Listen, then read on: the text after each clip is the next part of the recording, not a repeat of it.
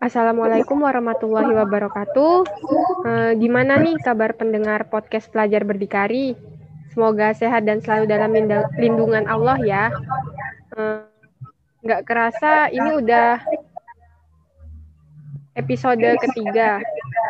Dan di episode ketiga ini kita kedatangan narasumber yang bisa kita jadikan salah satu inspirasi kita dan sama seperti narasumber yang sebelumnya, narasumber kali ini juga merupakan aktivis dari salah satu PCIM, yaitu PCIM Arab Saudi.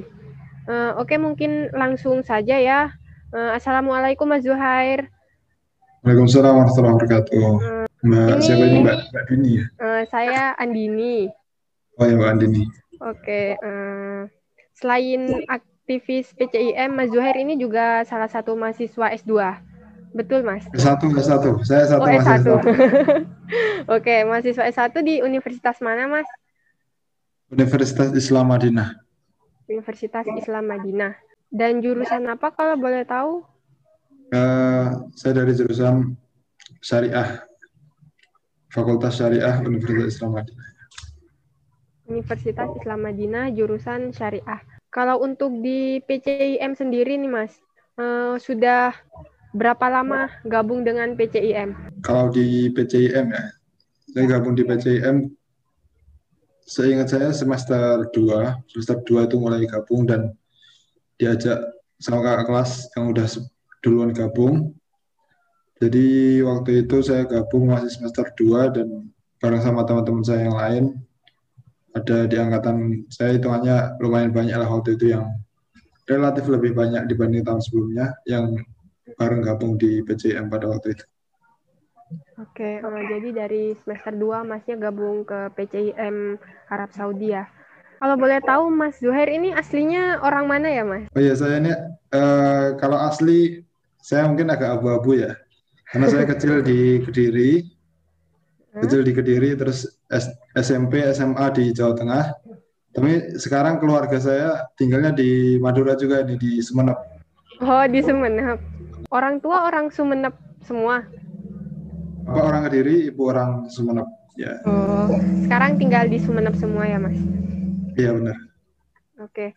Uh, selain kuliah nih, uh, ada aktivitas apa aja nih sehari-hari atau ada kesibukan lain yang sedang Mas lakukan untuk kesehariannya? Uh, kalau saya sendiri ketika di Madinah, karena kan sekarang lagi di Indonesia karena pandemi ya, Oh, iya. Waktu menjalani kuliah di Madinah, saya aktif di beberapa organisasi.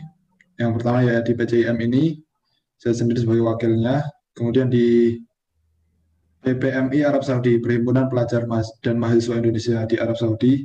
Saya jadi anggota di divisi desain.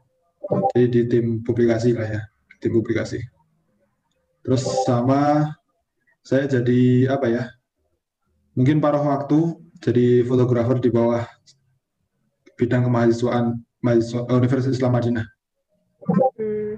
Jadi saya bantu-bantu foto juga di uh, kemahasiswaan gitu. Jadi tetap ikut juga organisasi di kampus ya Mas? Oh iya, iya. Sejak kapan nih Mas Zuhair memutuskan untuk melakukan studi di Arab? Ah, misalnya uh, masuknya tahun berapa ya Mas? Uh, jadi saya masuk di Arab Saudi itu tahun 2017.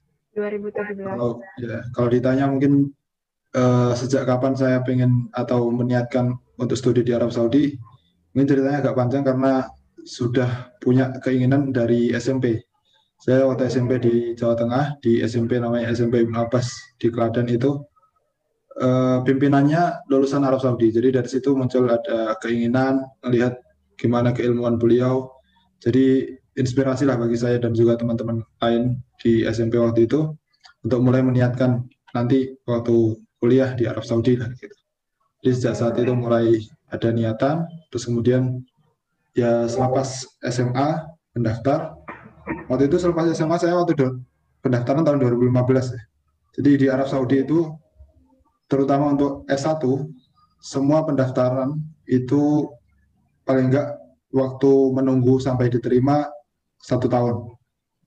Kayak gitu. lumayan gitu. lama ya mas. Ya lumayan lama. Makanya kalau saya sendiri ya dan banyak teman-teman itu yang daftar di sana kebanyakan sebelum berangkat ke Arab Saudi udah sempat kuliah dulu di Indonesia kayak gitu. Hmm, itu di Universitas Is- Islam Madinah aja atau di semua universitas di Arab Saudi kayak gitu? Setahu saya semua dari teman-teman di kampus-kampus lain baik di Jeddah, di Riyadh, di kota-kota lain semuanya kayak gitu. Jadi Oh. memang setelah pendaftaran nunggu satu tahun baru keterima. Jadi banyak banget ya kayak tadi itu yang saya sebutkan yang udah kuliah di tempat lain. Saya sendiri sebelumnya kuliah di Surabaya Di universitas mana kalau boleh tahu? Di UNESA, Oh, di UNESA. Negeri Surabaya di UNESA. Ya. Jadi agak banting-banting setir ya jurusannya. Sebelumnya mungkin di UNESA saya pendidikan fisika, baru Wah. lanjut di Madinah di jurusan syariah kayak gitu. Agak agak jauh ya, Mas. Ya. Nah, kalau untuk masuknya itu melalui beasiswa atau bagaimana? Ya alhamdulillah semua ya bisa dibilang semua lah ya. Semua mahasiswa luar Saudi yang dapat kesempatan studi di Arab Saudi semuanya ditanggung beasiswa. Jadi teman-teman di kampus lain nggak cuma di Madinah ya, nggak cuma di Madinah itu semuanya full beasiswa dengan fasilitas-fasilitasnya. Bahkan kalau ada beberapa kampus lain yang eh, fasilitasnya lebih lah dibanding kampus Madinah gitu. Oke, ya. Eh, di sini Mas Zuhair di sana itu kan dari 2017 nih.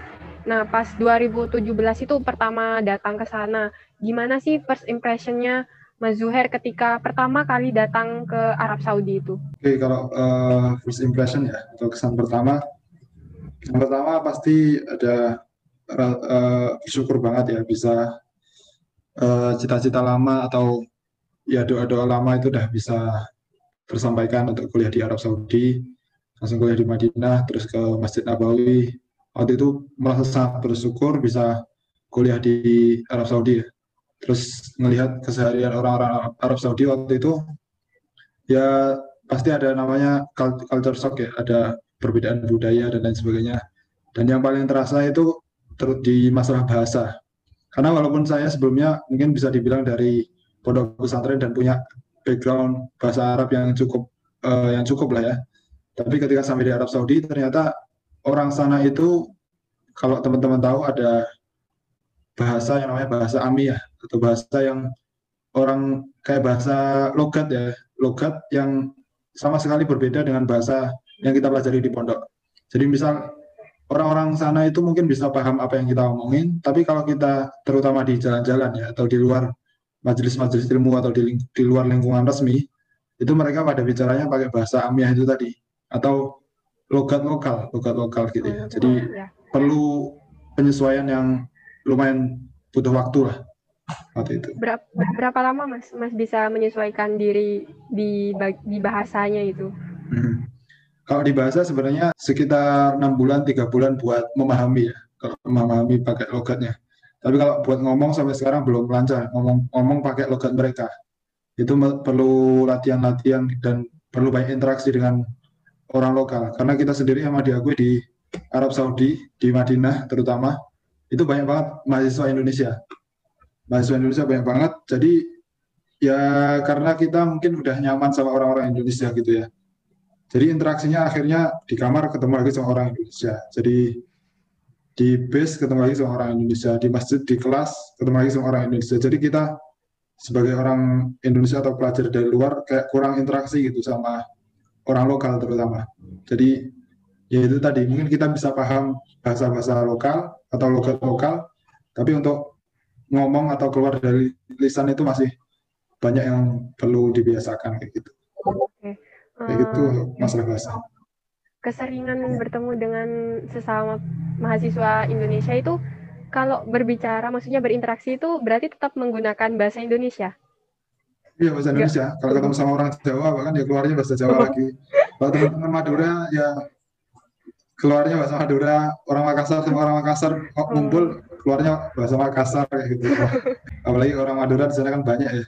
Oh, Nggak cuma banyak dari juga orang ternyata. Madura, dari mig- imigran, pekerja Oh. migran banyak banget juga.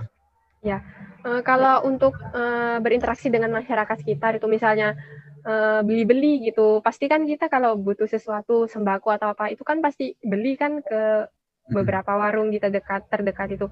Kalau Mas sendiri uh, masih merasa kesulitan atau enggak meskipun uh, tadi Mas bilang masih perlu penyesuaian seperti itu. Kalau interaksi sederhana jual beli gitu insya Allah udah bisa lah ya. Udah bisa. Tapi misal untuk cerita panjang dan apa ngobrol yang itu apa bisa dibilang ngalor gitu dengan logat mereka itu yang masih masih susah. Tapi interaksi sederhana naik bis terus dijual beli untuk beli kebutuhan-kebutuhan biasa, insya Allah udah udah menguasai nama suasana. Tiga bulan enam bulan itu udah lancar buat sekedar interaksi gitu. Oke, okay, uh, kalau masyarakat Islam di sana itu gimana, Mas? Apa perbedaan masyarakat Islam di sana dengan masyarakat Islam di Indonesia? Hmm, okay. Kalau ngomongin tentang culture atau budaya masyarakat di sana, terutama di keislamannya, orang di sana mungkin bisa dibilang lebih lebih seragam ya, mungkin lebih seragam dibanding di Indonesia. Karena di Indonesia itu kan kayak berbagai macam kelompok atau kalangan tuh ada gitu ya. Jadi misal di yang paling besar di Indonesia ada Muhammadiyah, ada NU, terus ada yang lain sebagainya. Kalau di Arab Saudi bisa dibilang seragam dan ya nggak terlalu banyak terlihat perbedaan gitu. Jadi karena di Arab Saudi sendiri secara struktur negara kan monarki ya, bukan negara yang demokratis. Jadi untuk kelompok-kelompok masyarakat atau organisasi masyarakat yang sifatnya seperti Muhammadiyah dan NU gitu nggak ada, saya bilang nggak ada. Di sana adanya cuma yayasan-yayasan gitu.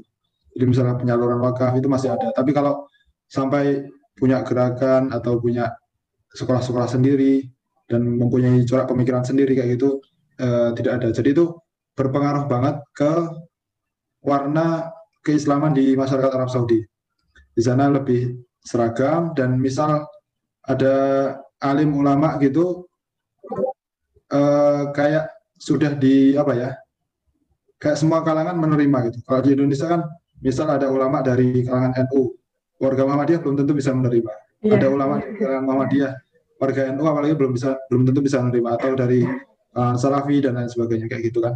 Jangan di Arab Saudi karena itu tadi tidak terlalu banyak tidak, ada bahkan bisa dibilang tidak ada bentuk organisasi kemasyarakatan. Jadi ulama-ulama atau yang dari MUI-nya Arab Saudi itu sudah langsung semuanya mendengar gitu, semuanya mendengar. Dan itu sangat-sangat mewarnai, sangat-sangat mewarnai dan benar-benar berpengaruh ke kehidupan keislaman warga Arab Saudi. Kayak gitu. Oke, nah, kalau untuk dari segi tradisinya itu Mas, bagaimana? Secara tradisi sebenarnya Arab Saudi kan terkenal dengan puritan ya. Atau yang di Indonesia ya Muhammadiyah ini kita termasuk yang termasuk gerakan puritan kalau uh, yang dibilang provider Nasir itu kan. Jadi budaya itu tidak terlalu bercampur dengan agama. Jadi di sana memang ada ada budaya, ada tarian-tarian daerah mereka, tapi nggak sampai mewarnai agama kayak gitu kan. Ya mirip-mirip sama Muhammadiyah yang kita jalani ini kebanyakan kan. Tidak ada bentuknya agama yang dicampuri dengan budaya kayak gitu tadi. Tapi di sana agama yang kayak lebih mewarnai di budayanya mereka. Kalau di sana itu yang mungkin terlihat beda atau kontras dibanding Indonesia lebih ke watak ya, wataknya mereka, wataknya orang-orang Arab. Itu mereka kalau ngomong ya belak-belakan gitu. Jadi kalau di Indonesia kan terkenal dengan sungkan, dengan apa ya, pekewuh kalau bahasa Jawa ya, pekewuh ya, atau ya. kayak gitu. Apa bahasa Madura itu? Tapi bisa paham ya, pekewuh, ya. kayak gitu. Kalau di sana lebih belak-belakan. Jadi misal ada orang salah atau mereka tahu itu salah dan uh, mereka tahu yang benar kayak gimana, mereka berani ngingetin ngingetin orang itu.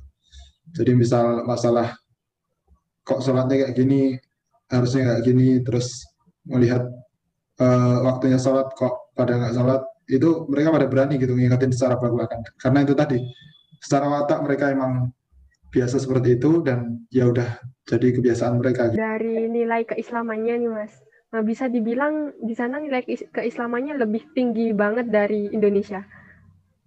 Hmm, iya. Secara umum kayak gitu ya, secara umum. Walaupun gini, Kalau di Arab Saudi itu emang agama itu benar-benar mewarnai kehidupan mereka secara sehari-hari. Misalkan mulai dari ketika ketemu gitu, ketika ketemu itu salam udah kayak wajar banget. Kalau di Indonesia kan belum, tentu ya. Yeah. Salam dan mereka setiap ketemu itu bahasa basinya itu uh, doa. Jadi misalkan orang Saudi sama Arab Saudi gitu ya, ketemu di awal uh, tanya kabar, tanya kabar terus ya doanya itu panjang. Misalkan uh, hayakallah semoga Allah memuliakanmu dan di awal gitu sebelum ngobrol atau sampai intinya pembicaraan itu bisa ditunggu lah dengan doa-doa. Mereka saling bertukar doa bertukar, bertukar ucapan gitu ya. Saling kalau di Indonesia nggak nggak nggak biasa gitu nggak biasa. Jadi yeah, yeah. itu skill buat uh, sebagian dari kita yang perlu belajar gitu. Jadi misal ketemu orang apalagi orang-orang yang dosen gitu ya. Jadi harus dibiasakan. Di awal harus muji dulu harus mendoakan mendoakan keluarganya semoga sehat dan lain sebagainya dan lain sebagainya gitu. Terus di keislaman sehari-hari sebelum apa ya mungkin bisa dibilang mungkin beberapa tahun ini mungkin ada sedikit perubahan. Itu perlu diakui. Perlu diakui di Arab Saudi ada perubahan. Ada bentuk-bentuk yang bisa dibilang uh, modernisasi gitulah ya. Jadi kalau tahun-tahun sebelumnya itu ada lembaga khusus yang jadi hayah amar ma'ruf nahi mungkar. Jadi ada setiap waktu sholat di sana ada mobil keliling yang buat uh, meriksa toko-toko dan apa menertibkan di jalanan untuk sholat dan lain sebagainya dan itu beberapa tahun belakangan mulai dihapus. Tapi untuk masalah toko-toko tutup ketika jam sholat itu masih masih jalan, masih jalan kayak gitu. Hmm. Dan kayak gitu warga di sana kebanyakan patuh, walaupun diakui tetap ada lah toko-toko yang nakal gitu ya toko-toko yang nakal misalkan warung makan dia depannya tutup tapi di dalam kalau ada hmm. apa pengunjung ya udah dibiarin aja kayak gitu terutama di kota-kota besar ya di kota-kota besar kayak Jeddah kayak di Riyadh kayak gitu aku nemunya lebih banyak uh, lebih wajar warung-warung yang nakal dibandingkan di Madinah di Mekah gitu. Oh iya. Jadi lebih banyak warung-warung yang nakal di kota-kota besar ya mas? yeah. lebih berani waktu di kota-kota yeah. besar. Uh, mengenai cadar nih mas, kita kan uh, apalagi di Indonesia itu ada beberapa apa ya beberapa isu atau pendapat yang mengatakan cadar nih bu enggak bukan syariat Islam, cadar ini hanya uh, budaya Arab. Nah, kalau menurut Mas sendiri yang uh, udah beberapa tahun tinggal di Arab, nah gimana cadar itu di sana? Apa semua wanita Arab di sana itu menggunakan cadar? masalah cadar uh, budaya atau bukan ini sebenarnya lebih ke pembahasan fikih ya kita ngelihat. Oh iya. Dan itu apa ya? Kalau secara hukum fikih ya mungkin nanti bisa dirujuk lagi, tapi sepanjang yang saya pelajari memang ada ulama yang memasukkan wajah itu sebagai aurat dan itu ada pembahasannya sendiri. Dan hmm. kalau bisa dibilang tradisi atau syariat, ya itu ada bagian dari syariat di situ. Kalau masalah di uh, Arab Saudi sendiri gimana? Arab Saudi, Arab Saudi sendiri kalau orang lokal, terutama orang lokal ya, terutama orang lokal dan terutama generasi yang bisa dibilang lebih lebih senior atau lebih sepuh, itu orang-orang sana budayanya menutup wajah dengan cadar gitu. Memang di sana kayak gitu pakai cadar. Jadi di sana itu kebanyakan ibu-ibu uh, ibu -ibu wanitanya, mbak-mbaknya itu pada pada pakai cadar. Adapun sekarang itu ada yang uh, lepas cadar atau kayak uh, nggak setertutup dahulu itu ya karena pengaruh pengaruh budaya lagi sih pengaruh budaya. Tapi di sana itu memang mayoritas sampai sekarang kalau perempuan-perempuannya masih pakai cadar sih. Jadi di pasar, di toko, di sekolah-sekolah itu semuanya atau sebagian besar memang masih pada pakai cadar. Jadi karena bagian lagi, ya. memang ada ulama-ulama yang menekankan karena menganggap itu bagian dari syariat gitu. Jadi mayoritas orang di sana terutama orang lokal masih banyak yang menggunakan cadar ya mas. Hmm. Hmm. Uh, Oke okay, ini kan mas udah lebih dari setahun bahkan lebih dari dua tahun ada di sana dan pasti sudah beberapa kali melewati bulan Ramadan di sana. Nah mungkin bisa berbagi cerita gimana sih pengalaman mas uh, Ramadan ada di negeri orang gitu? Ramadan di Arab Saudi. Mungkin aku lebih khususnya ngomongin Ramadan di Madinah ya, karena memang beberapa kali Ramadan aku menjalaninya tuh di Madinah Bu. dan belum pernah ya. sampai di kota lain. Mungkin cuma di Mekah itu pun cuma sebentar karena keperluan umroh gitu ya. Jadi di Madinah khususnya kalau kita masalah waktu berpuasa itu memang nggak terlalu jauh antara Indonesia sama Arab Saudi. Di sana itu buka uh, sahur maksudnya sahur itu jam 4 atau adzan jam 4 buka jam 7 lah ya kurang lebih jam 7 jadi mungkin selisih cuma satu jam nggak terlalu jauh sama Indonesia Cuma di sana itu hawanya itu panas banget, hawanya panas banget. Jadi Ramadan di tahun-tahun ini itu bertepatan banget dengan musim panas. Jadi kayak sekarang ini di Arab Saudi itu musim panas. Dan suhunya mungkin kalau pas panas itu 40 sampai 40 derajat gitu ya. Kalau kalau aku mungkin bisa sedikit gambarkan 40 derajat di sana dan hawa panasnya itu kalau teman-teman pernah di perempatan terus pas di sampingnya bis atau di sampingnya truk ada bayang nggak? Jadi angin anginnya itu ya kayak gitu. Jadi hangat panas gitu ya. Angin-angin mesin bis biasanya. Ya, angin mesin gitu ya. Terutama kalau kerasa banget ketika mungkin habis sholat jamaah gitu, zuhur atau asar. Lebih panas di asar sih sebenarnya. Jadi waktu di asar, eh, kalau di masjid sebelumnya ada AC gitu, tapi terus keluar keluar pintu gitu langsung kerasa anginnya. Wah, langsung panasnya Arab Saudi atau Madinah kerasanya di situ. Nah itu tadi terma, uh, ujiannya. Terus kemudian ke bedanya lagi ciri Ramadan di Arab Saudi itu kayak di Mesir. Kalau aku sempat dengerin temen yang di Mesir itu di podcast ini, ya, ya, ya di sana itu budayanya uh, kalau pagi tidur gitu, kalau pagi tidur, kalau pagi tidur. Jadi di sana baru ketika malam baru aktivitas hidup gitu. Jadi memang ketika pagi aktivitas sangat minim dan ketika malam baru hidup gitu ya. Mungkin habis asar itu orang-orang pada mulai kelihatan ada aktivitas di jalan udah mulai rame. Terus kita sendiri kalau mahasiswa di kampus di Madinah itu banyak yang menjelang waktu maghrib ke Masjid Nabawi karena memang ada fasilitas bis. Dan di sana kita berburu tuh berburu. Kalau mahasiswa mahasiswa pada berburu mana spot-spot yang ada buka puasa yang istimewa di Masjid Nabawi itu kan di pelatarannya bahkan sampai jalan-jalan di sekitarnya itu ada banyak banget orang yang menggelar hidangan buat berbuka. Terutama yang di luar masjid ya. Kalau di luar masjid itu banyak ada bedanya banyak dari nasi dari roti dari ayam goreng semuanya lengkap lah.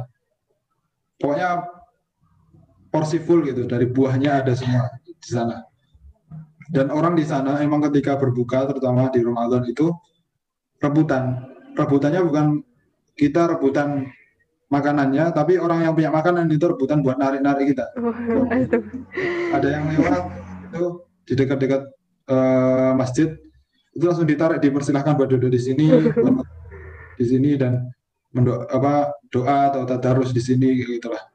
Jadi orang di sana yang aku rasain memang apa kedermawanannya yang terlihat terutama di Ramadan. Dan di pelataran Masjid Nabawi itu yang nyebar atau yang menggelar dagangan nggak cuma orang lokal bahkan karena hmm. ada uh, kayak perkumpulan gitu ya, ada perkumpulan orang-orang Turki di Madinah itu punya apa istilahnya sufroh atau tempat hidangan sendiri dan orang mana ada sendiri walaupun memang mayoritas orang lokal sekali lagi kan karena emang rumahnya di situ atau daerahnya di situ itu tadi kedermawanannya luar biasa. Lomba-lomba mau bersedekah ya mas. Ya, kalau tadi kan uh, sering ke Masjid Nabawi buat mencari uh, semacam takjil gitu. Kalau da kalau dari jaraknya dari tempat tinggal mas ke Masjid Nabawi itu uh, deketnya semana? Maksudnya di, dinilai ya lumayan dekat atau seperti apa? Uh, mungkin bisa dibilang dekat ya, karena mungkin sekitar kalau naik bus kampus itu 10 menit ya kurang hmm. kurang lebih 10 menit lah dekat jadi dan itu emang uh, rutinnya termasuk rutinitas mahasiswa mahasiswa Madinah setiap sore ke Masjid Nabawi terus nanti uh, habis Isya atau kalau Ramadan habis taraweh baru balik. Oh iya, kalau masalah ngomong taraweh ya, karena di hmm. Masjid Nabawi jadi kita uh, ikut taraweh yang 23 rakaat dan uh, satu juz gitu sebelum sebelum pandemi sebelum pandemi sekarang karena pandemi ini teman-teman yang di sana cerita uh, ya bervarian ada yang 8 plus 3 ada, ada yang 4 plus 3 yang penting di sana dibatasi nggak lebih dari 30 menit dan Oh.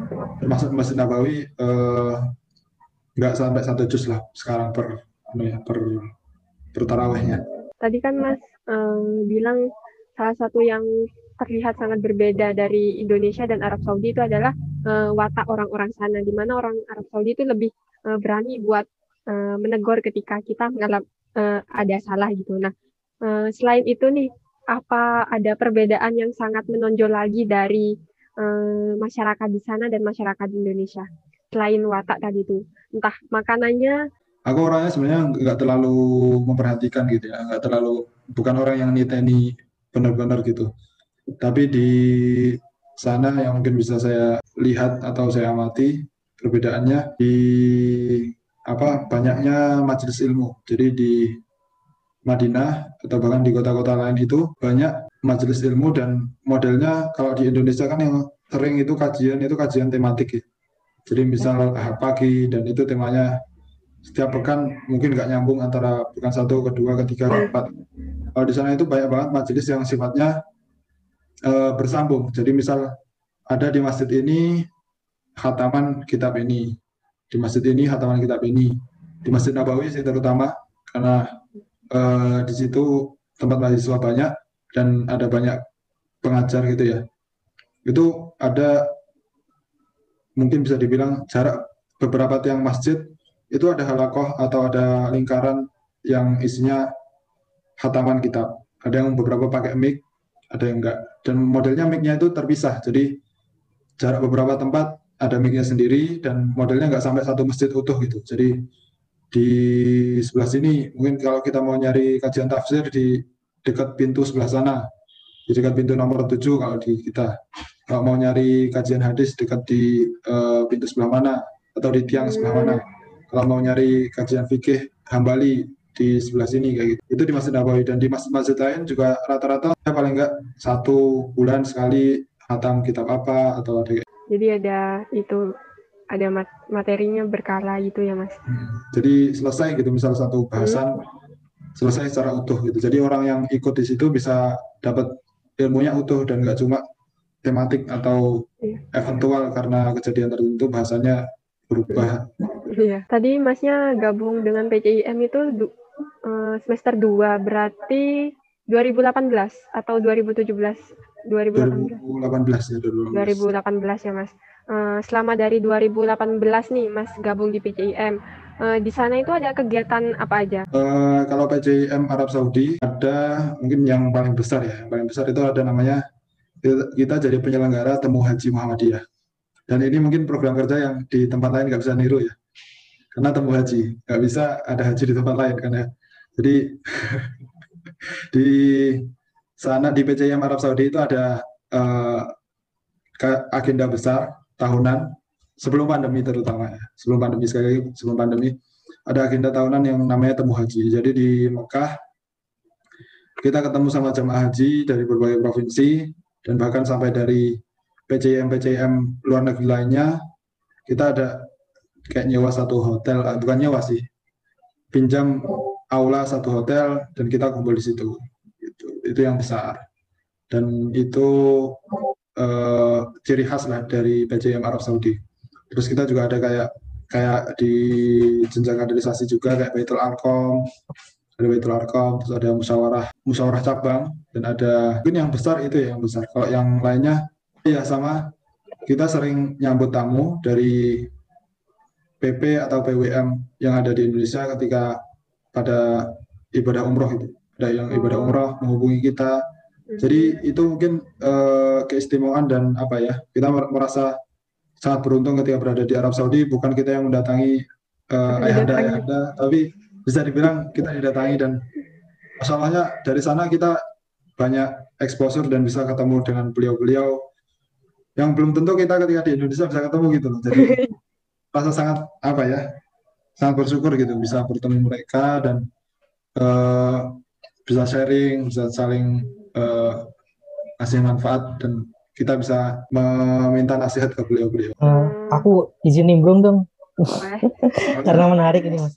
Masalah umroh ini mas, ya, masalah yang barusan program itu kan menarik banget mas. Memang nggak ada, nggak bakal ada di di PCM lain gitu mas. Ya ini mas yang sering jadi pertanyaan saya pribadi bisa nggak sih mas kalau kami saya orang Indonesia bersama teman-teman ini umroh atau haji tanpa tanpa apa ya tanpa tanpa PT gitu mas kalau orang Madura hmm. bilang gitu. Jadi berangkat sendiri kayak backpacker gitu nanti nyampe sana kita bisa minta tolong bantuan teman-teman PJIM gitu bisa nggak mas?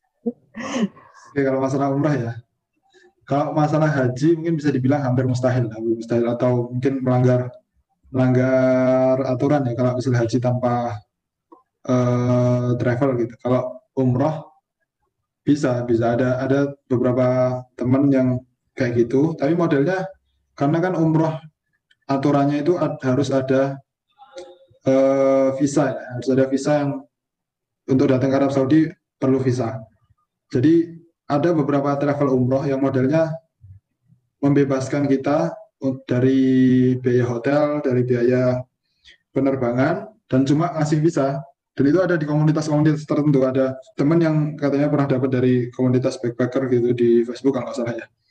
Jadi ada travel umroh yang dia cuma ngasih visa, cap visa di pasportnya, dan ngasih kayak nomor uh, nomor yang terdaftar di Arab Saudi untuk kemudian dia bisa masuk dan keluar di Arab Saudi dengan uh, masa tinggal tertentu.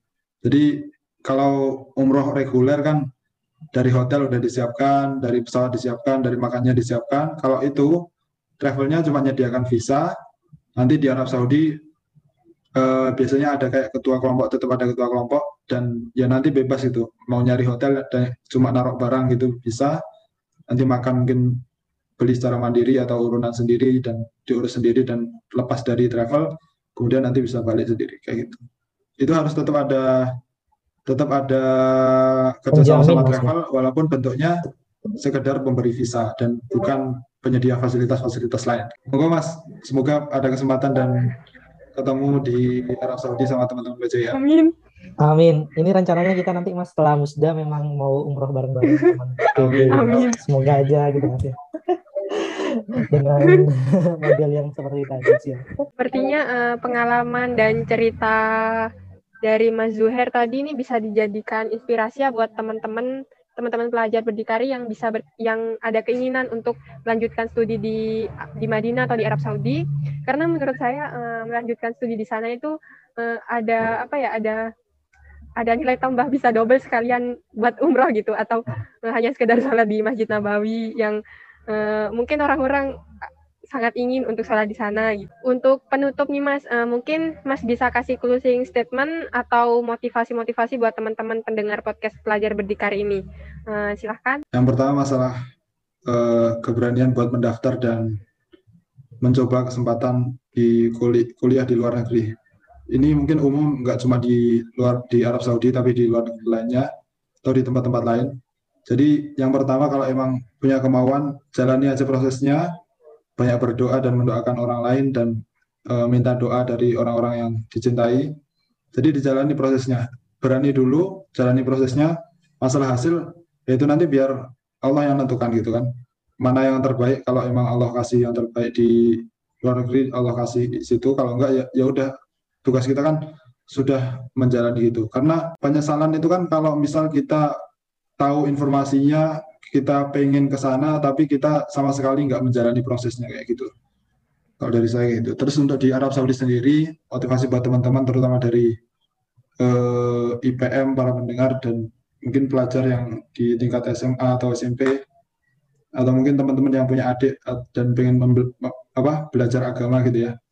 Di Arab Saudi ini, insya Allah untuk keilmuan agamanya terjaga dan apa namanya eh, banyak sekali sumber-sumber keilmuan yang bisa didapat baik dari lingkungan kampus maupun di luar kampus, misal di masjid-masjid atau di bahkan rumah-rumah guru kami juga ada yang menyelenggarakan pengajaran. Jadi kita datang ke rumah beliau, beliau yang menyediakan bahkan kita dihidangkan makanan dan lain sebagainya, kita tinggal duduk dan menikmati ilmu dari beliau dan juga fasilitasnya. Dan juga di Arab Saudi sendiri sampai sekarang dan insya Allah seterusnya fasilitas dari pemerintah Arab Saudi untuk para pelajar di negerinya dari luar negeri itu insya Allah masih uh, ada dan cukup dan di Arab Saudi sendiri terutama di Madinah kampusnya itu emang dibuat pertama kali niat awalnya itu untuk wakaf buat umat Islam. Jadi teman-teman silahkan yang punya keinginan dan uh, niat untuk belajar di Arab Saudi, terutama di Madinah, dijalani prosesnya. Insya Allah di sini bisa belajar banyak dan bertemu dengan orang-orang lain dari berbagai belahan dunia yang sama-sama niatnya belajar di uh, ilmu agama kayak gitu.